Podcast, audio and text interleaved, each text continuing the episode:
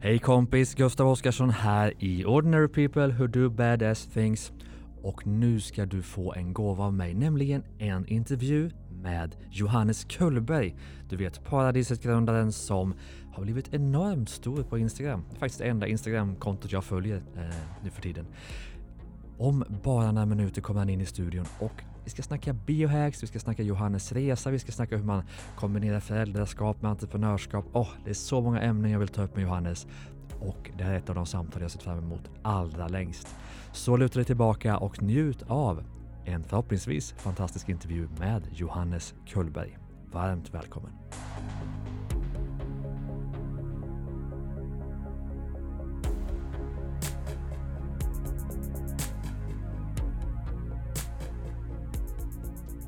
Varmt välkommen till Ordinary People Who Do Badass Things. Johannes Kullberg. Tack så mycket. Hur är läget? Det är väldigt bra tycker ja. jag. En aning eh, utmattad efter en vecka själv. Min fru är i Los Angeles på en sån här tv-screenings eh, som hon gör varje år. Mm. Och så jag är hemma med tre barn varav min son på snart tio har lyckats skära av sig fingertoppen och min dotter igår kväll då blev hon är tävlingsryttare men blev avkastad av sin häst och fick en lättare hjärnskakning. Så det var Karolinska akuten där igår kväll. Oh, jäklar. Vilka kon konsekvenser kommer det här få för att du ska vara ensam hemma med barnen? Um, ja, uh, själva, själva fingertoppen löste vi ganska bra. Yeah. Jag har ju skadat mig själv genom åren så jag är ganska duktig på att hantera de där sakerna. Mm. Och um, tyckte mig väl igår när, när vi var inne på KI där så först fick hon träffa en sköterska och då bedömde de att hon inte behövde röntgen. Mm. Och då bedömde jag att då behöver hon inte heller träffa en läkare för den analysen kan jag göra själv. Så då mm. tog jag hem henne. Men det var ju så här en och en halv, två timmar att bara komma till sköterskan först. Mm. Men sånt är livet. Så. Sånt är livet. Ja. Kul, kul att ha dig här i alla fall. Jätteroligt Du, uh, ordinary people, alltså, känner du dig ordinary eller badass en vanlig dag? Jag känner mig nog ganska badass faktiskt. Ah. Det är Varför nog då? mitt modus operandi. Ah. Ja, men, jag är, livet är roligt. Ah. Eh, jag har tränat mig själv till att liksom försöka tycka saker är roligt. Även sånt som kan vara, vissa saker är jag usel på och hatar, men mm. rätt många saker tycker jag är väldigt roliga. Mm. Och, och då är det skönt att gå runt och känna sig som ett badass med, ja. en, med positiva ordet. Eh, såklart, av det. såklart ja. verkligen. Vad spännande, för vi ska komma in mer på äh, livsstilsval och hacks och, och, sånt där som vi båda gillar så mycket. Men jag tror många har ju sett dig nu på Instagram där du har blivit enormt stor. Och här ska jag liksom verkligen säga att jag är ju ingen sociala medieperson, men du är faktiskt typ den enda jag följer. Om jag ska vara ärlig. För det finns ju inga så här, det finns ju väldigt många eh, tjejer som är sjukt duktiga på, på Instagram. Men det finns väldigt få killar som är duktiga och speciellt eftersom du är ett ämne som jag tycker väldigt mycket om. Så det ska du ha en jäkla eloge. Det är som att du bara, fan, det kan, killar kan, även på ja, Insta. Tack. Nej, men det, ja. Eh, jag håller med dig. Tjejerna är så mycket bättre än vad vi är. Eh, odiskutabelt.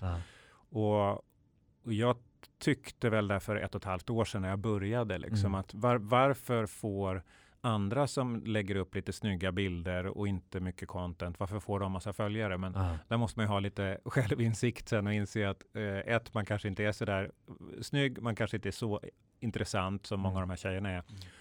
Och jag hade inget liksom, riktig tanke med, tanke med det. Men, mm. men eh, så jag funkar är, då, när jag blir frustrerad, det är då jag går igång. Mm. Och då börjar jag se, liksom, okej, okay, vad kan jag göra åt saken? Och då tar mm. jag till liksom alla verktyg jag har. Fråga folk, titta, analysera, försöker zooma ut, bryta ner saker och då skapade jag det här konceptet som jag har kört tillsammans eh, med, eller alltså kört sen, sen, sen dess med mm. när man jämför enkla saker, dåligt bra. Mm. Och nu typ 110 000 följare? Eller vad Nej, 100, 101 är det nu. Ah. Det som har hänt de senaste två månaderna ungefär är att mm. Instagram har totalt gjort om sig. Mm. Och det här gick över natt. Så från att mina inlägg når ja, liksom flera hundratusen personer många mm. gånger, eh, där minst hälften är helt nya följare, då mm. växer man snabbt. Mm. Till att Instagram då har skurit ner, så nu är det knappt, inte ens en procent, som, utan man visar bara för de som redan följer den. Mm. Och det här gick över en natt. Mm. Och, och, ja, så att lite synd, tråkigt, mm. men konsekvensen kommer bli att folk flyttar då till andra sociala medier. TikTok tror jag kommer att explodera för folk som är lite äldre. Mm. Eh, alla ungarna är ju redan där, mm. men eh, jag som är liksom medelålders man mm. kommer, att, kommer att gå över dit. Spännande. Mm. Men följ kontot, magiskt i alla fall ska jag säga till ja. dig som lyssnar. Men du, för de som inte känner dig så väl då, mm. med du, det mest kända bolaget som jag i alla fall vet är ju Paradiset naturligtvis. Ja. Ska vi ta en liten eh, historieberättelse om eh, din, i alla fall entreprenörskarriär? Ja. Kan vi göra. Vill, du, vill du ta den? Kanske ja, bättre, det, bättre kan, än att jag, jag gör det, för då kommer det bli massa fel i det. Ja, nej, men det är lugnt. Ja. Um, entreprenörskarriären startade 2009 på mm. grund av, då hade jag varit jag började som managementkonsult med strategifrågor, tyckte det var mm. jättekul. Sen, och lärde dig att jobba hårt gissar jag? Lärde mig jobba mm. hårt, väldigt mm. hårt. Och sen växlade jag upp från det genom att bygga upp Lidl i Norge. Men jag var mm. ute i tre år i Tyskland, Holland, Belgien och sen Norge. Um, och sen hade jag bestämt mig där att jag inte skulle jobba mer med mat någonsin. Uh, och Eh, flyttade hem till Sverige och började jobba med företagshälsovård mm. och blev eh, koncernchef och, och för ett börsnoterat bolag som heter Feelgood. Mm. Um, då måste du ha varit väldigt ung? Ja, jag var mm. inte fyllda 30 då. Uh, så, att, så det var då på den tiden var jag Sveriges yngsta börs-vd. Och vi tillsammans lyckades vi vända. Det var ett bolag som blödde enormt mycket mm. pengar och var på väg åt fel håll. Vi lyckades vända det så det blev bästa resultatet någonsin. Men det höll på att kosta mig min hälsa. För det mm. var, och det var mycket jobb som managementkonsult så blev det mer på Lidl och sen blev det ännu mer framförallt psykiskt på Feelgood. För det är otroligt jobbigt med att vända negativa alltså bolag där du har en 600-700 anställda som är riktigt misshandlade. Mm.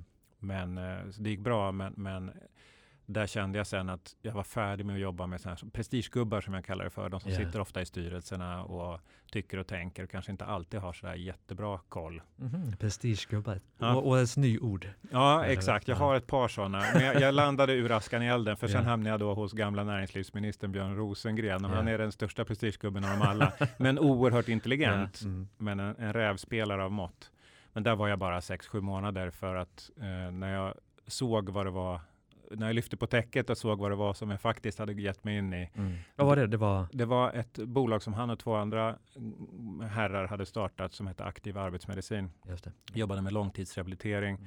Men bara utifrån, eh, bara, det, var, det ska man inte säga raljera, men fokus på att tjäna pengar. De sålde bolaget efter två år till för, eh, de fick in 100 miljoner för mm. en, en andel av bolaget. Men det var så mycket skumrask-prylar mm. bakom täcket där. Och när jag upptäckte det, så jag sitter inte och håller tyst om sånt. Och då blev jag plötsligt persona non grata och fick sparken på dagen. Mm. Spännande. Uh, ja, ja, Så, så kan det vara. Och där började min entreprenörsresa, mm. så det var inte en bakgrund. Mm. Så då byggde jag min första digitala företagshälsovård uh, som heter Proactive Health. Uh, körde det i fem år och med lönsamhet hela tiden och sen sålde vi det till ett försäkringsbolag 2014 när jag bestämde mig att äh, nu måste jag tillbaka i maten för att jag hade fått två barn och bara klarade inte av att gå och handla i svenska matbutiker. Mm. Frustrationen kom och då var det dags att starta ett nytt bolag. Mm. Och det blev Paradiset. Och det är det vi ska snacka en del om tänker jag. För vi ska komma in på dig såklart mycket mer. Men Paradisresan, den känns ju som att den har varit otroligt spännande. Vad började i? Vad var, liksom, vad var affärsidén? Affärsidén kom ifrån att jag hade ju eh, lärt mig väldigt mycket om dagligvaruhandel på Lidl. Mm. En jättebra skola. Eh, Varför sen, kallas det dagligvaruhandel för det första? Ja, för du handlar de varor du behöver dagligdags. Ja. Det är inte bara livsmedel utan det kan ju också rengöringsmedel ja. och sånt. Men, alltså jag har definitionen ja, klar för mig. Exakt. Ja. Så det är ju en, en bransch som omsätter väldigt mycket pengar och det är i slutändan ganska små marginaler. Så det gäller att du har inte mycket spelrum att göra misstag. Mm. Och volym är allt. Mm. Och det är därför det ser ut som det gör här, framförallt i Skandinavien där vi har då ett oligopolsituation med en, eller en stor dominerande och sen några andra, tre, fyra totalt som, som äger 80-90% av marknaden. Så ser det ut i typ alla länderna här. Mm. Eller Sverige och Norge framförallt. Och um, det är väldigt ohälsosamt för det, konsumenten blir förloraren i det här. Mm. Så, så um, jag bestämde mig för att starta på grund av att jag hade också tittat internationellt. Jag hade sett på Whole Foods i USA, jag hade sett på Trader Joe's som en annan sån här bra kedja. Och så ville jag skapa det som jag kände liksom, tillhörde folket, utmana David mot Goliat mm. situationen. Mm. Jag visste att ekonomiskt är det fullständigt vansinne. Um, men där blir det, det tiltar lite i huvudet på mig. Jag kan inte liksom sitta så här, ah, men det här kommer jag att tjäna pengar på, så då jobbar jag med sophantering istället mm. eller eh, sälja mm, möbler online, vad vet jag. Liksom. Mm. För du har väl ett annat, vad är det du kallar dig själv? Frustrationsentreprenör. Också ett nyord vi borde få ja, in. Liksom, det, det, där, det har börjat ja. sprida sig nu märker jag. Ja. För, det, men, men det, för det är ganska många. Man, om man, antingen så startar man ju bolag för att man hittar en lönsam nisch och tror att man kan tjäna pengar. Men det är helt ointressant för mig. Mm. Utan jag gör det för att det måste finnas en passion och sen så måste det finnas en frustration mm. där jag känner att det här funkar inte. Det är dags att göra något. Ingen annan kommer göra det, mm. så då, då, gör jag det. Kostar och, och vad var tesen? Var det att ta Whole Foods till, till Sverige eller liksom vad, vad var grejen? Tesen var mm. att det är förbaskat svårt att äta hälsosamt och mm. hållbart. Eh, det finns så många eh, parametrar som man ska ta hänsyn till. Och du behöver vara oerhört dedikerad och kunnig för att kunna förstå det ens på egen nivå. Mm. Eh, och så tanken var att göra butiker som man ville vara i, inte lämna så fort som möjligt som det var mm. när jag gick på ICA. Och där du inte behövde kunna någonting för att allting som finns i butiken är redan utvalt av experter. Mm. Så du kan bara plocka vad tusan du vill, gå runt och njuta. Det ska vara paradiset. Mm. Det är helt magiskt ju. Ja. Men okej, okay, om vi ska snabbspola där. Det här startade du 2014 startade det, 2015 mm. juni öppnade jag första butiken mm. på Södermalm. Söder och sen var det in i stan va? Sen var det Regeringsgatan. Just, och de funkade, visst var det så? Absolut, de gick jättebra. Ja. Uh, och sen kom um, Sickla. Mm. Uh, som var tanken då att vara en sorts semi-dark store, alltså näthandel yeah. uh, framför allt, och, men även en bra butik. Uh.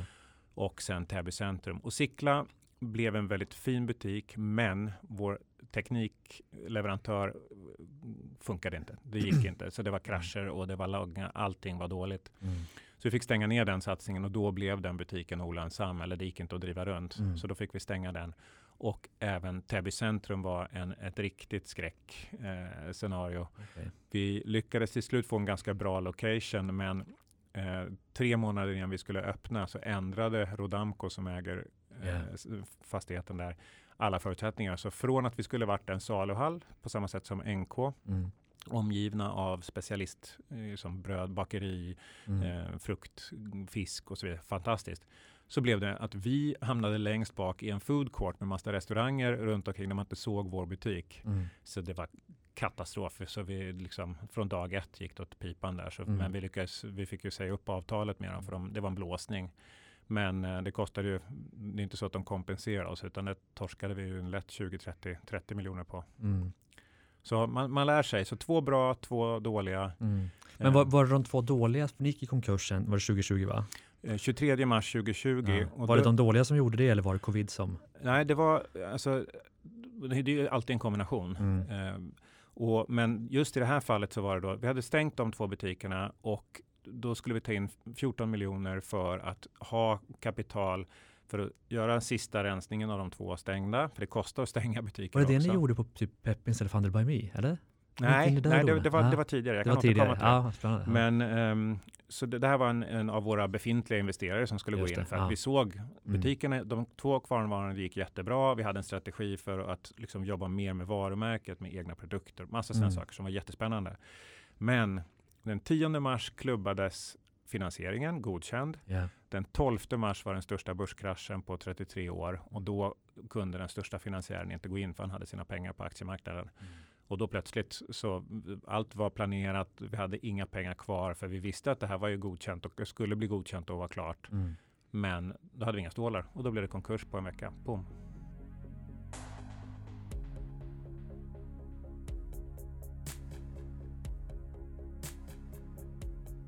Så från att ni hade två butiker som funkade, ni hade pengarna klara för att satsa ännu mer. Fan vad, vad jobbigt, alltså det är så sjukt, det måste varit mentalt så tungt. Ja, det var riktigt, riktigt jobbigt och ja. framförallt Söderbutiken var min baby verkligen. Ja. Så jag hade liksom varit med och gjort allt i den butiken. Ja. Så där grinade jag när jag åkte, åkte hem. Ja. Jag kan komma ihåg, jag har ett minne av det här, jag som inte bor i Stockholm, gick ju på Paradiset på Söder ofta när jag var uppe. Och då stod det, inte en handskriven lapp var det inte, men det kändes som en handskriven lapp, typ vi har gått i konkurs eller någonting. Och den kändes så jävla ledsen den lappen kommer jag ihåg. Ja. Förstår du? Ja, absolut, absolut. Nej, det, var inga, det fanns inga glada känslor kvar att jobba med där. Det är, en, det är en sån brutal process att gå i konkurs. Det var min första, förhoppningsvis min enda. Och, och, jag visste inte vad det innebar. Mm. men plötsligt, det, liksom, du får ju lämna ifrån dig nycklarna till bolaget. Det kommer in en konkursförvaltare mm. som, jag ska inte använda en dålig analogi, men, men, men eh, det känns ju verkligen som att du blir utsatt för ett övergrepp. Mm. för då tar de då Hel, tar över hela butiken, tvingar personalen då att, att jobba för att sälja ut allt till vrakpriser.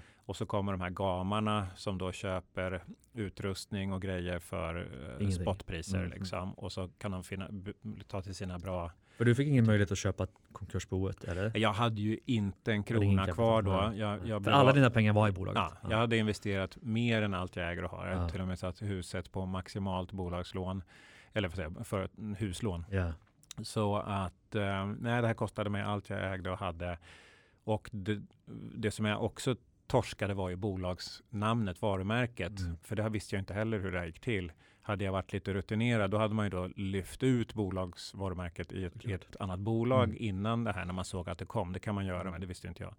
Så, så, men jag tänkte att ja, jag kanske kan lyckas köpa tillbaks varumärket åtminstone, för vem skulle vilja ha det? Mm. Och sen blev det en sån här jättesmutsig strid där folk gick in och försökte eh, sno varumärket bakom ryggen på mig. Mm. Och, så att jag, fick, men jag lyckades få låna lite pengar av min mamma så att jag kunde köpa tillbaks det. För jag hoppades ändå att att det skulle kunna gå och, och, fortsätta på något sätt. Vad snackar vi om då? Du behöver inte säga om du inte vill, men att köpa tillbaka ett brand, vad kostar det? Är det som en miljon eller är det? Nej, det, kan, det, det, var, det varierar helt och hållet. Ja. Det var ett par hundratusen som ja, det blev, men, men, jag hade ju minus x antal miljoner, så ja. att varenda krona över, över ett blev ju liksom. Fattar.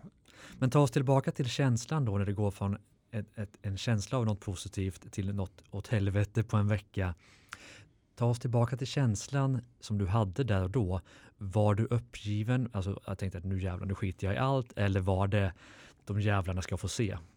Vad var du i känslan? Ja, nej, men, eh, först var det ju jag brukar ha en sån här 24 timmars period när jag tillåter mig själv att tycka synd om mig själv och vara ledsen. Liksom. Mm. Och då funderar jag, men fan, jag orkar inte längre. Då har jag liksom krigat som entreprenör i 11 år, liksom. Mm. många gånger på väldigt usel lön och, och så vidare. Mm. Jag gjorde en liten hacka där vid, när jag sålde mitt första bolag, men de var ju borta igen nu då. Mm. Så då kändes det väldigt tungt och gick igenom så okej, okay, vad ska jag göra? Ska jag ringa Lidl och, och, se om jag kan liksom komma tillbaka? För där tjänar man, om man är i toppositioner, tjänar man fenomenalt mycket pengar. Mm. Men eh, så kände jag bara så här, men vänta nu här. Jag, jag måste kolla. Jag gick ut till följarna på Instagram som då Paradiset hade, inte jag. Jag hade mm. inga då på den tiden. Nej. Och frågade och berättade. Vi berättade om allt som hade hänt. Och, och liksom, nej, vi skulle vilja göra en omstart, liksom 2.0 som vi mm. kallar det för. Och bara liksom, skulle ni vara med oss? Liksom, bara för att få reda på vad, hur kände de för det här? Och fick så jäkla mycket kärlek tillbaks. Um, och det gjorde ju att där blev det liksom knyta näven och säga nej. Eh, lite covid och, och eh, ett gäng utmaningar och en, en tuff bransch ska inte stoppa. Det finns missionen kvarstår mm. att demokratisera folkhälsan, att göra riktig mat tillgänglig för alla liksom. Och göra det enkelt att äta hälsosamt. Det mm. har aldrig varit viktigare, särskilt mm. under pandemin.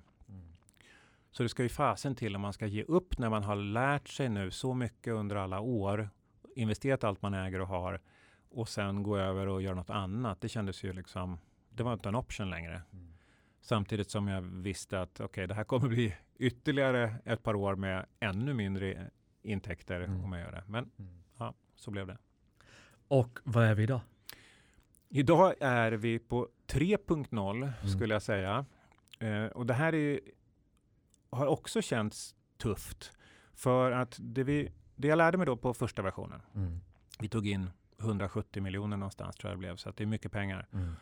Eh, och, och, det var konstant jobbigt med att få in nya pengar och hålla, liksom, butiker blöder pengar. Det är jättestora investeringar. Ja, och jag menar, du bygger ju ett bolag som där huvudsyftet inte är att tjäna pengar, vilket investerarna kanske inte alltid älskar. Ja, nej, mm. riktigt så är det inte. Då. Mm. Huvudsyftet är ju inte det, mm. men självklart så hade vi ett fokus på att driva lönsam mm business, Såklart. för det måste vara hållbart Men det kanske inte är så för att investera i en hockeyklubba liksom, utan... Nej, och, och, och, men det är ju ingen, i dagligvarubranschen, en ICA-butik tar tre till sju år innan den börjar tjäna pengar. Mm. Men man vet att sen är den kvar, liksom, mm. inte forever, men väldigt länge. Yeah. Så det är en, en kassamaskin. Mm.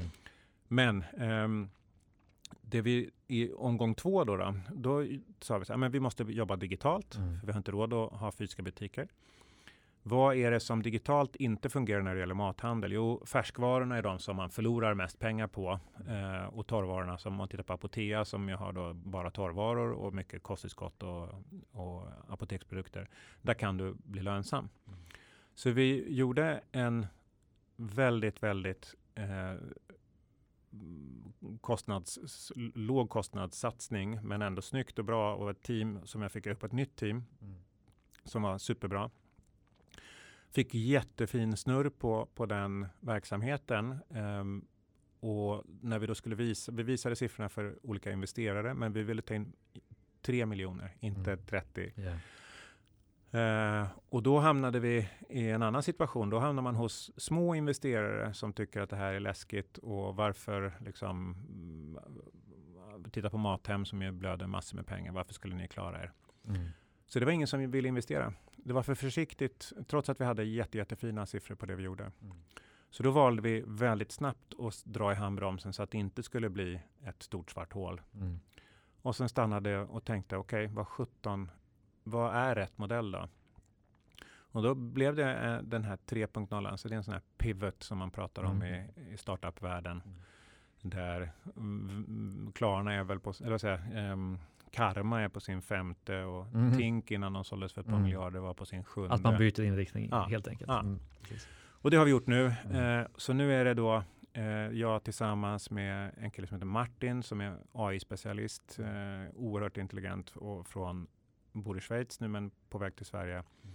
Och Isabella som är, uh, samma, de är, alla är smartare än vad jag är, det är helt underbart. Mm eh, varumärkesspecialist och managementkonsult tidigare, men ja, knivskarp liksom. Och alla tre är vi helt olika, så vi har gjort så här personlighetstester för att se hur vi fungerar. Mm. Och eh, där vi nu har då satt ihop ett helt nytt upplägg som bygger på att vi själva inte har några produkter, ingen distribution, inget lager, men vi kommer använda befintlig kapacitet på marknaden. Mm. Men sen bygger vi en AI-lösning som gör att det, allt det vi ville göra med Paradiset, det vill säga att göra det lätt för människor att äta hälsosamt. Mm. Mer än så kan jag inte säga just nu. Då. Men Man kommer ändå handla hos Paradiset? Du handlar yeah. i, i, ett Paradiset-fönster, eh, en mm. app. Och, men vi fick, en, vi fick en bekräftelse igår på att det här är riktigt, riktigt bra. För vi har nu blivit eh, finalister i en, en, en av världens största mm. tävlingar kan man väl säga. Kul. Eh, så att, eh, ja, det är superkul. Mm. Men spännande, många som lyssnar driver ju bolag och eh, mm. investerar också. Är det något man kan investera i? Eller kommer kunna? Det här blir då tvärtom. Nu är det ju liksom den, den försiktiga vägen som jag mm. testade i 2.0, mm. den, den funkar inte. Men det här mm. är en oerhört mycket mer skalbar modell som också har en, en eh, väldigt låg kapitalbindning mm. Eh, och, och i, i, form av mm, capex. Så mm. det kom, vi kommer att ta in en hel del kapital, men jag tror att det är, liksom, det är större mängder kapital. Det är inte det är inte hundratusentals, det är ganska många miljoner som vi tar in för det. Fattar. Spännande. Mm. Du, innan vi släpper mat och släpper paradiset så en fråga jag tänkt mycket på själv är när man går in i en vanlig butik. Så eh, alltså, hur känner du? Jag vet förstås att du inte älskar att gå in i en vanlig butik, men jag känner mig ofta lurad, speciellt när jag kollar innehållsförteckningar och liknande. Hur ska man, innan den här paradisappen kommer då, det är en bifråga som jag själv är nyfiken på, hur ska man tänka när man går in i en butik för att få äta hälsosam mat? Ja, det är faktiskt det är så, så pass svårt så mm. jag håller på precis nu i och med att TikTok gjorde om, eller så här, Instagram mm. gjorde om sina algoritmer så tvingar det mig att börja jobba mycket mer med videomaterial här yeah. för det är bara det som gäller nu. Mm. Och, och, då har jag suttit och funderat. Så det jag kommer att göra nu är att gå igenom kategori för kategori i en vanlig butik för att mm. visa hur jag tänker mm. per område. Mm. Ta bröd. Varför är det här liksom, även om det är Sveriges mest köpta bröd, varför är det dåligt? Vad är ett mm. bättre val och vad är det bästa valet? Det. Och sen göra så genomgående, så kommer det bli som en liten skola kan man säga, som, för att visa hur jag tänker mm. och hur man kan tänka. Så det är lite så här healthy eating for dummies, om man säger med, med mm. kärlek. Mm. Uh, för det är bara, liksom, du kan göra det hur komplext som helst, mm. men det, det, hjälper ingen. Men om man bryter ner de viktigaste faktorerna att titta mm. på, så det kommer jag göra. Så att, Kul, då får man ja. fortsätta följa med andra. Mm. Och just de viktigaste basvarorna med, liksom, som man köper varje vecka. Absolut. Att koll på dem. Ja. Man orkar ju inte gå, nu kommer vi in på 90 gritty här, men man orkar ju inte gå och kolla varje gång. Utan man måste hitta sina favoriter, de här ja. funkar, det vet man. Ja. Och därav att Paradiset-appen kommer bli jävligt spännande att följa.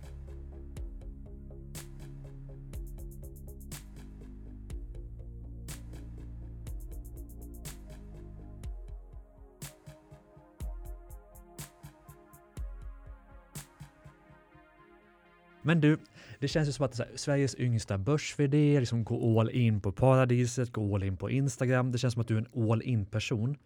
Har ja, du absolut. alltid varit det? Var, är, är du född sån? Ja.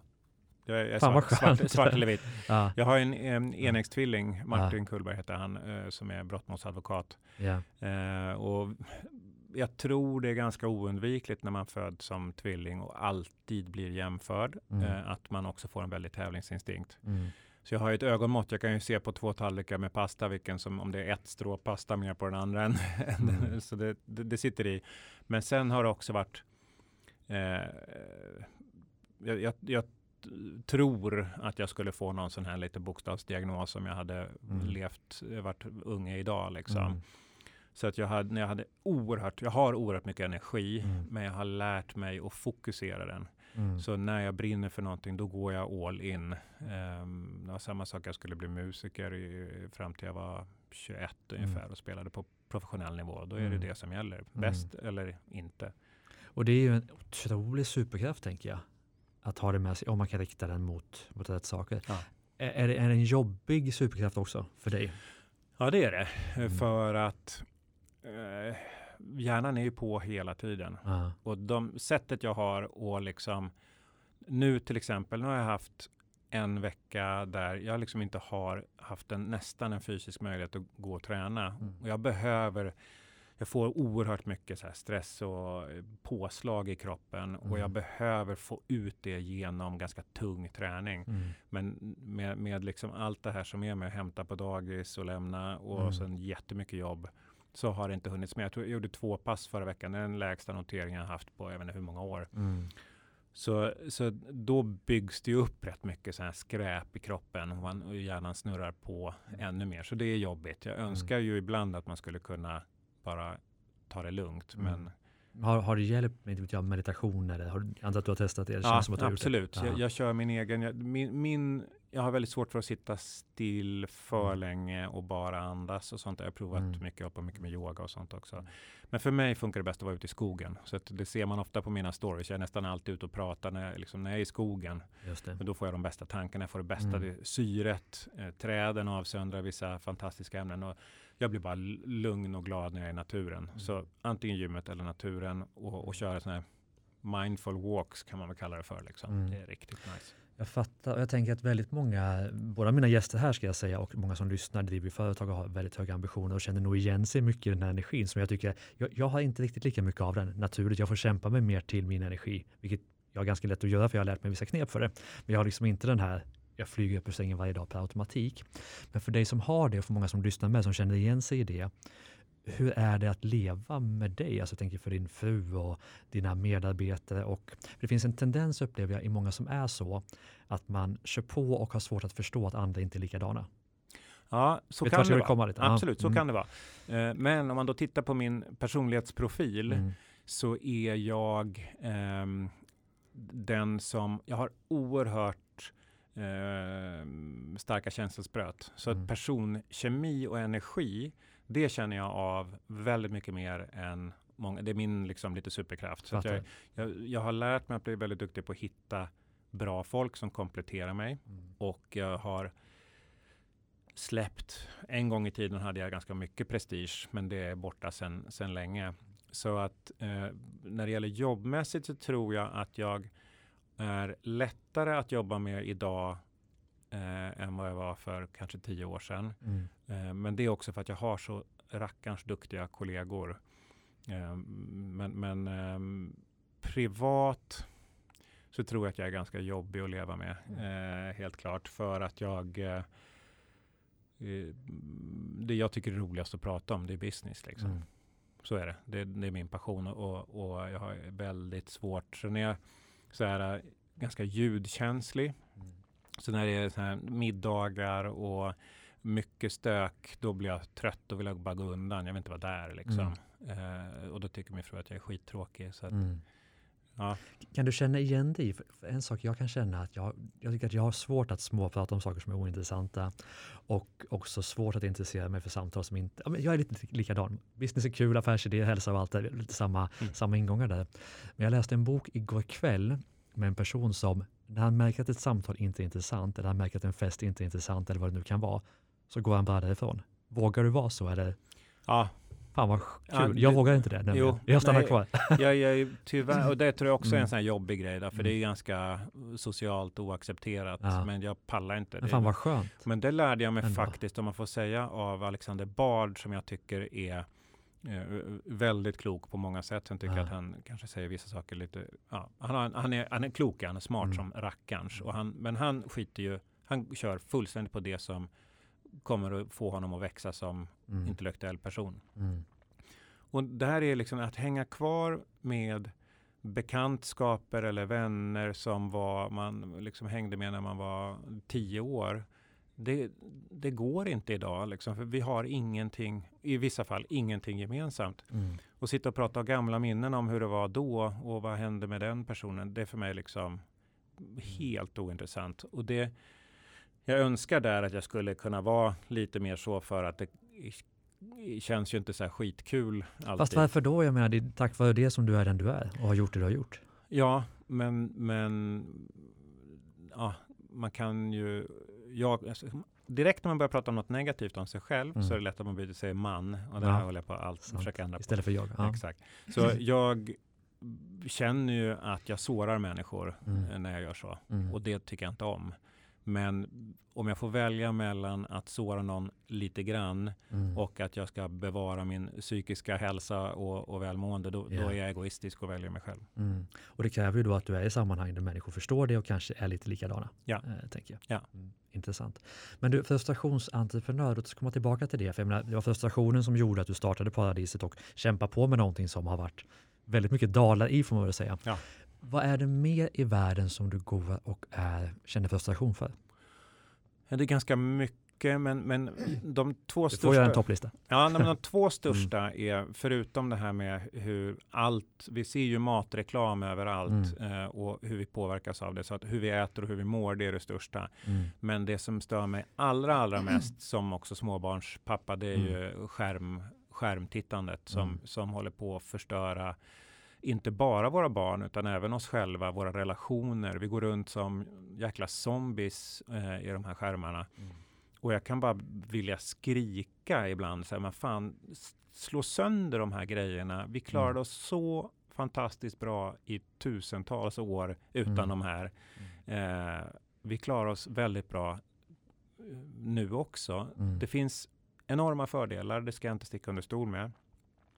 Men det måste komma någon sorts eh, stopp på hur det här går. Och tyvärr så går det åt helt fel håll. Mm. Det blir bättre och bättre upplevelser, bättre och bättre algoritmer som föder oss. Mer och mer dopaminkickar. Ja, mm. Absolut. Mm. Så att jag är jätteskeptisk mm. till utvecklingen. Jag tror det kommer utvecklas i ett digitalt klassamhälle där vi ser att eh, eliten kommer att vara de som förstår hur man använder det här till sin egen vinning och återigen för att ta Alexander Bard, där man mm. bygger upp sådana digital tribes. Mm. Eh, där förstår du hur du kan använda det, men också kan läsa böcker, förstå, liksom, ta till det av klassikerna och, och tänkarna. Mm. Inte bara se hur många man kan smeta hundra lager solkräm i ansiktet och tycka det är kul. Liksom. Mm. Då, där skapar du en, en, en ny sorts klass som kommer att, att dominera. Mm. Så en digital överklass ja. som man utnyttjar till sin fördel ja. och en digital underklass som bara konsumerar saker ja. utan att tänka. Och du kommer att kunna styra dem, nu blir det så här dystopiskt, mm. men, men eh, de personerna kommer att bli styrda och, och, kunna göra, gå på vad som helst. Det ser vi ju redan nu med, mm. med all propaganda och liksom yeah. hur, hur, politiker kan använda det här på oerhört farliga mm. sätt. Och då blir jag ju nyfiken på, både för din egen del och för hur du jobbar med dina barn. Hur gör ni med skärmar? Ja, jag har ett skärmlåssystem mm. eh, som gör att skärmarna stänger av efter en viss tid. Blockar också vissa vilken app använder du för det? Jag har använt Circle. Okay. Eh, nu har den pajat i veckan av någon anledning, så nu har jag tagit bort den och, och håller på att utvärdera alternativ. Mm. Eh, men barnen avskyr appen, eh, men det ger mig en möjlighet att när tiden tar slut mm. så får de förhandla sig till mer skärmtid om det skulle behövas mm. mot att de ska göra annat som träna eller göra sina läxor eller mm. vad det nu är. Fattar. Och för din egen del, vad innebär det här? Är det max tid per dag då eller vad, vad kör du själv? Jag behöver inte. Där, där, mm. är, det låter så här, som att jag är mm. perfekt, men det är verkligen inte så. Jag använder sociala... Du har gjort val? Alltså. Ja, jag använder sociala medier enbart för att arbeta. Yeah. Eh, helt ointresserad av att sitta och swipa och titta på vad andra gör. Mm. Eh, utan gör jag det, då är det för att få inspiration till det jag själv ska skriva. Mm. Och sen, jag har inte tid. Jag har inte tid. Om jag ska hinna träna mm. sex eller sju dagar i veckan som jag gör. Jag ska vara med mina barn och, mm. och jag ska sköta min business. Ja, när ska jag mm. titta på skärm? Nej. Och ändå så i snitt, det kanske var 2021 eller var det 2020 till och med, så lägger vi två timmar om dagen i sociala medier. Och sen har vi nyhetsflöden och så vidare. Två timmar räcker inte. Jag tror du är uppe Nej, men nu är vi säkert upp med, men sen har nyhetsflöden på det. Ah, så ja. sociala medier var det enbart. Ah, va? Ah. Vilket är, lägger du ihop det, jag gjorde någon sån här undersökning eller ja. någon uträkning att man kunde spara i princip 126 arbetsdagar per år, ja. bara ta bort det slentrian tittandet på olika saker. Det, det bygger du ett bolag på, liksom. ja. om du vill det. Ja, inte bara det, du bygger starka kärnfamiljer. Precis. Du kanske behåller din fru eller mm. din man mm. för att istället för att ligga i sängen och, och, titta på olika serier så kan man ta en kopp te och, och sitta och snacka. Mm. Så att äh, det, det här är, det är så ingen största. Netflix för dig heller? Netflix händer ibland, ja. absolut. När mm. jag känner att det liksom jag inte uh, jag måste koppla av hjärnan. Eh, så det gör jag, mm. men väldigt begränsat liksom mm. i, i, tid. Frågan är om man kopplar av hjärnan, men det känns Nej, så. Exakt, exakt. Det är samma sak ja. som att man tar ett glas vin för att koppla av efter jobbet. Det mm. gör jag inte, för det mm. vet jag ju. Ingen alkohol? I princip ingen. Uh, det händer i snitt kanske var tredje, var fjärde månad. Mm. Eh, så ikväll kommer min kompis från London som jag inte mm. har sett på, på eh, jag var över i London för ett år sedan. Men sen dess har jag inte träffat honom mm. och då kommer han över och då, då kommer det bli lite alkohol. Mm. Men, men sen är det liksom det slår för hårt. Alkohol är ett för korkat gift. Mm. Det finns i så fall mycket an andra saker som är, är, bättre och roligare att jobba med. Då pratar jag inte om knark liksom mm. så. Men, men Vad skulle det vara? Eh, jag har, ja, det är i och för sig, eh, nu får man kanske vara försiktig med. Du får vara kontroversiell. Ja, jag, jag, jag, har ju upptäckt, jag har varit väldigt fascinerad av det här med psilocybin som finns då i så magic mushrooms. Mm. Och jag har läst jättemycket om det för att använda det som ett verktyg för att utforska mitt inre och, och mm. psyke. Min pappa som är professor i psykiatri, han gjorde ju en, en han testade meskalin på ja, 50-60-talet mm. eh, tillsammans med sin eh, överläkare och fick en ganska obehaglig eh, upplevelse där. Mm. Men det är något som han berättade tidigt när vi var små. Mm. Och det har väl liksom legat som en liten, man vill, jag vill ta reda på, okej, okay, var det för att han inte hade tillräckligt mycket kunskap mm. och, och, hade det kunnat gå på annat sätt om man hade förberett sig. Så att jag mm. har testat eh, psilocybin då, som är en, en verksam substans i, i magiska svampar om man ska mm. kalla det för det. Är det olagligt? Jag, jag kan inte. Ja, det är narkotikaklassat i Sverige. Ja. Det här var utomlands. Men då har jag gjort enormt mycket research. Mm. Jag vet exakt vilken dos jag ska använda mm. och gör det i en kontrollerad miljö tillsammans med handledare. Mm. Och eh, det gav mig en väldigt, väldigt eh, massa insikter. Mm. Och eh, samtidigt en fantastisk, eh, jag ska inte marknadsföra det så, mm. men, men det, var, det var spännande. Det är ju en drog. Mm. Alkohol är också en drog. Mm. Och om jag får välja, då väljer jag ju hellre något som jag kan lära mig av och utvecklas av än att bli korkad och, och må piss efteråt. Liksom. Mm. Vi kanske ska lämna diskussionen. Jag tror det. det skulle vara spännande ja. att fördjupa sig Det får vi ta i en egen podd. Ja. Eller kanske i någon annan podd än detta.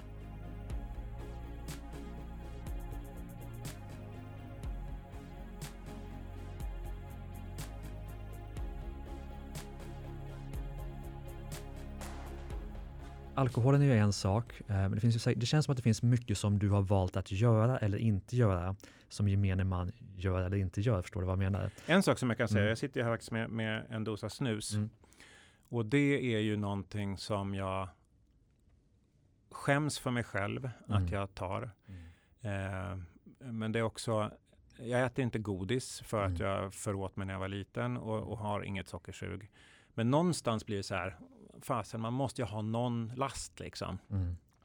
Och när det var eh, i samband med att paradiset kraschade, jag har snusat när jag var yngre, mm. eh, men då, då blev det så här, jag måste ha någonting för att trösta mig själv. Idiotiskt, men ja, så mm. blev det. Och, och då, sen dess har jag snusat. Men nu går jag, min, min tvillingbror eh, slutade snusa, han gjorde samma Och du kan resa. inte vara sämre? Nej, exakt. Han slutade nu för tre veckor sedan. Ja. Så att, uh, och jag har sagt till mig själv någon gång att när jag väl får in kapital från en extern partner. Mm. Vi har en bra investerare i paradiset, men, mm. men liksom den här riktiga mm. som den här tävlingen som vi är med i nu. Eh, då ska jag sluta för då har jag inga, då kan jag inte tycka synd om mig själv mm. längre och det här passar inte min livsstil. Mm. Det passar inte min stil överhuvudtaget. Så då tänker jag sluta. Men finns det annars då saker som du känner att det här gör jag, men det gör inte de flesta andra? Ja, det är en bra fråga. Eller valt att avstå som de flesta andra gör. Det är nog det är nog eh, insikten om eh, hur våra val idag har långtidspåverkan på oss. Alltså vad mm. vi äter, hur vi tränar eller inte och hur vi använder vår tid. En, en sak som jag gör som jag tror andra inte gör, det är att jag tänker på döden ganska mycket. Mm. Försöker använda det som ett sätt att se, okej, okay, om jag nu får en dödsdiagnos imorgon. Mm. Vad skulle jag ändra på? Återigen kopplat till min pappa som när han var i 40-årsåldern eh, och var läkare så fick han eh, problem med, med ehm, eh, sin njure och, och åkte in på sjukhuset. Och när han låg i, på sjukhuset så blev de blandade ihop eh, diagrammen där och, mm. och, läste en annan patients journal. Och så han hamnade på dödslistan. Oj. Han var ju helt säker på att han skulle dö. Yeah. Så då hann han tänka igenom vad det var han inte hade gjort och vad han skulle vilja göra. Mm. Eh, och sen så några dagar senare så kom de ju på att oj då, det var faktiskt, det var, det var ett problem men det var inte så allvarligt så han mm. blev ju frisk. Men det gjorde att han sen doktorerade och, och eller gjorde en special um, och gick vidare och liksom blev professor och sådana mm. saker. Så att, Intressant. Och, ja, och jag tror att vi skulle alla, ja. alla kommer att dö. Mm. Det, det är obestridligt faktum. Uh, men ändå så är det det vi mest förnekar och vägrar att ta till oss. Mm. Och istället för att vända på det här och se det som en kraftfullt redskap mm. så tror jag att man skulle också då börja ifrågasätta, ja, men är det värt att sitta och scrolla på, på Instagram eller TikTok flera mm. timmar om dagen för att titta på hur andra har det mm. istället för att kanske tänka hur mår jag? Vad kan jag mm. göra för att njuta av att solen lyser, fåglarna kvittrar, mm. jag är frisk, mina barn är friska, mm. en dag till. Fasen vad underbart. Mm. Det finns väldigt mycket spännande statistik. Jag tror det var Anders Hansens första bok, va? där han beskrev ja, men stillasittande en timme förkortar du livet med 20 minuter. Den typen av fakta. Ja. Som, jävlar, alltså jag skrev ut och satte det på kylskåpet. Ja. Sjukt intressant. Hans första bok var bättre än hans andra. Ja. Och den andra blev känd. Märkligt. Men du, ja, vad intressant. Det som skulle vara intressant att få veta också är ju hur du bygger upp dina dagar utifrån allt du kan och har lärt dig om eh, ja, hacks av olika slag. Eh, jag försöker gå upp ganska tidigt. Det behöver jag, jag har inte satt larmet på ja, nästan två år nu tror jag på mm. morgonen, för jag går upp ändå. Eh, min fru är ännu mer morgonpigg än jag. Mm. Så hon, vad, vad snackar vi liksom? Ja, men då går jag kanske upp halv sex, sex. Mm. Eh, och vi har en liten hund som också sover i vår säng som brukar mm. väcka oss också annars. Så då går jag upp, jag tar en, en, en kaffe och läser tidningen. Mm. Eh, och sen eh, fixar i ordning för barnen. Mm. Och sen ta en promenad i, i, skogen med hunden och min fru gärna om det går, eller mm. själv, för att få solljus i mig. Det är ett väldigt bra sätt att ställa in dygnsrytmen. Mm. Sen är det möten, Um, och helst på distans. Det här med att åka in till stan är, gör jag ju ogärna. Mm. Det är något som jag gjorde redan innan pandemin för att jag har liksom byggt bolag själv ofta. Mm. Och, um, så att det här med att sitta en halvtimme eller cykla en halvtimme eller vad det nu är för någonting. Cykla är ju bättre än att, att sitta i bil men mm. det känns så meningslöst att sitta där ute på kontor och, och snacka bullshit med, med folk. Det är waste of time. Så jag försöker använda min tid väldigt effektivt. Mm. Sen tränar jag klockan två. Minst folk på gymmet. Eh, mm. Där har jag hunnit bygga upp rätt mycket som energi i kroppen. Mm. Ganska optimal tid enligt forskningen. Ja, ja egentligen kanske fyra är den mm. mest optimala, men mm. ändå. Mm. Två till tre och sen eh, då är jag lugn, jobbar ett tag till, hämtar minstingen på dagis och och sen är liksom lite middag och, och vara med barnen mm. och se till att lägga dem på ett bra sätt vid 8-9. Mm. Och sen brukar jag eh, på eftermiddagen så gör jag mitt Instagram-jobb mm. och sen så brukar jag läsa böcker eller kolla på någonting som jag kan. Alltså det kan vara någon dokumentär eller någonting sånt där. Mm. Så det, det, är väldigt mycket inspirationssamling och liksom ja, lä, lära mig saker som, som mm. jag gör. Just det. Har du några fler hacks, liksom så dagliga hacks som du använder som vi inte har gått igenom? Eh, jag försöker ju och varje morgon så kör jag ju, men liksom eh, fettsyrabalansen som vi har i västvärlden idag är ganska skev så att jag mm. tar ganska mycket omega-3-olja, en fantastisk spe specialinblandning av omega-3 och olivolja. Det är från Cincino, men då mäter jag, allting mäter jag så jag ser mm. före och efter. Och, och vad mäter du då? Då mäter jag min fettsyrabalans, alltså det hur mycket genom... blodprov. Ja. Så då Men inte varje dag tänker jag? Nej, Nej, utan det här gör man var fjärde månad. För ja. det tar ungefär 120 dagar för de röda blodkropparna att byta mm. ut sig. Så att mm. innan dess så, så, ser du inte skillnaden. Mm. Men så det är en sak jag gör. Jag har um, äter ganska mycket protein för att jag har lätt för att gå ner i vikt. Så det är mm. sådana problem som många tycker är avundsvärt. Men yeah. för mig är det inte kul alls. Jag vill, jag vill försöka hålla min muskelmassa så mycket som möjligt för att mm. också vara hälsosam. Har du någon speciell kost i övrigt som du på? Ja, jag har provat egentligen alla kända dieter kan man väl mm. säga bara för att kunna uttala mig. Mm. Eh, jag mäter mitt blodsocker här. Jag har en mm. blod, blodsockermätare på armen. Och det gör du hela tiden? gör jag nu hela tiden. Går det till en app eller? Ja, ja. jag har en, en, så att jag kan då eh, läsa av som, yeah. som diabetiker har, mm. fast jag gör det för att lära mig om mig själv och se yeah. hur maten jag äter påverkar mig. Mm. Det här är ju lite nördnivå får man ändå säga. Ja, det får man nog mm. säga. Och så mäter jag min, min sömn. Du har ju också Aura-ringen på dig såg jag. Eh, så att hålla koll på djupsömnen och, mm. och så vidare.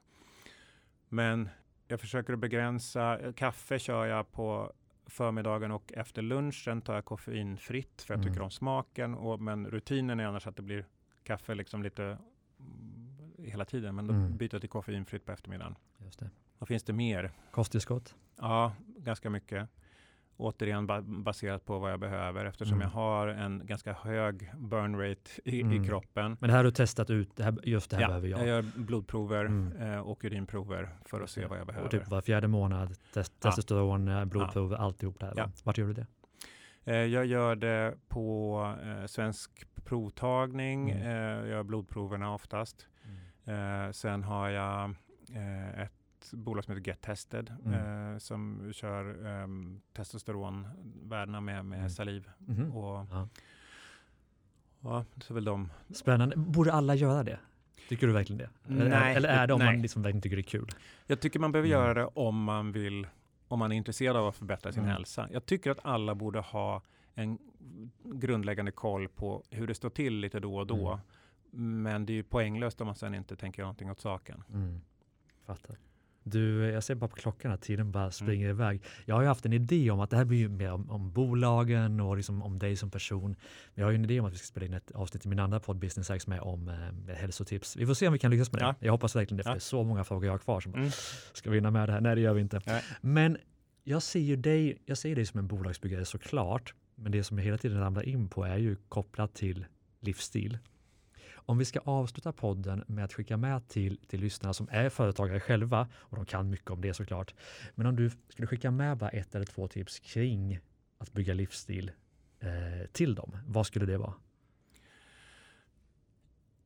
Det första skulle nog vara att ta kosten på allvar. Mm. Att försöka, att, eh, så som jag gör nu, att jag på lördagen går jag igenom min träningsvecka och min kostvecka. Mm. På söndagen lagar jag då meal prep, så att jag liksom kokar eh, den, ett par olika kolhydrater som jag ska ha eller ugnsrosta grönsaker eller kör kycklingfiléer eller vad det är för någonting. Mm. Så att jag bara sen kan göra matlådor som är effektiva och väldigt näringstäta. Mm. Så planera och få ordning på kosten för det kommer få en så mycket bättre prestation i jobbet om du äter mm. bra. Kör du några fasta 8-16? Jag gjorde det, men jag går ner för mycket i vikt. Ja, så att jag, jag, det blir i princip, jag äter inte efter middagen som mm. är då 6 och sen äter jag frukost vid 7. Så att det blir en rätt okej okay period ändå. Eh, men sen skulle jag säga också att försöka röra på sig mer, lämna kontoret, utkör walk and talks. Mm. Eh, det är ganska lätt om man bara liksom tänker till och du får ofta mycket bättre möten när man promenerar tillsammans. Man behöver inte titta varandra i ögonen, vilket kan vara rätt skönt om man pratar om jobbiga Speciellt saker. om man är kille, har du läst det? Ja. Spännande ja. forskning. Ja. Och, och du får bättre syresättning, du får liksom allting blir, blir bättre. Mm. Så att ut och, och, rör på sig och sen inte vara så förbaskat rädd för att misslyckas och mm. våga prata om det. För att vi är, särskilt män, det är så mycket prestige och man, man vill aldrig medge sina misstag och svagheter. Mm.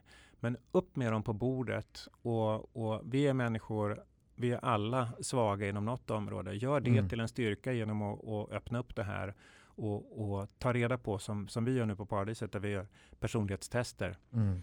Så vi vet och kan prata om dem. Vad är vi bra på? Vad är vi dåliga på? Mm. Då får du en sån oerhörd dynamik och folk känner, de förstår hur de kan komplettera dig. Mm. Och för oss, alltså, ja, det är så kraftfullt. Kul! Ja. Vilka härliga tips och vilken härlig podd och vilket härligt samtal. Det känns som att det har jag aldrig sagt innan, men det känns som att jag pratar med mig själv fast i en bättre version. För jag har samma intressen liksom, ja, du har kommit ja, vissa delar eh, längre än vad jag har gjort. Så jättekul. Jag uppskattar enormt att du ville komma hit och eh, om vi skulle få till en podd om hälsa med så skulle jag tycka att det var skitkul. Så stort tack Tack Johannes. så jättemycket. Man kan följa dig på Instagram och kanske snart på TikTok då. Yes, Johannes ja, Kullberg, Kullberg med C mm. och det är väl samma på TikTok typ så att det är bara Yes, magiskt konto. Yes. Och stort tack till dig som lyssnar. Missa inte varandra poddar också Starta eget-podden och Business Hacks. De finns där poddar finns och på driva Stort tack för idag. Hej då!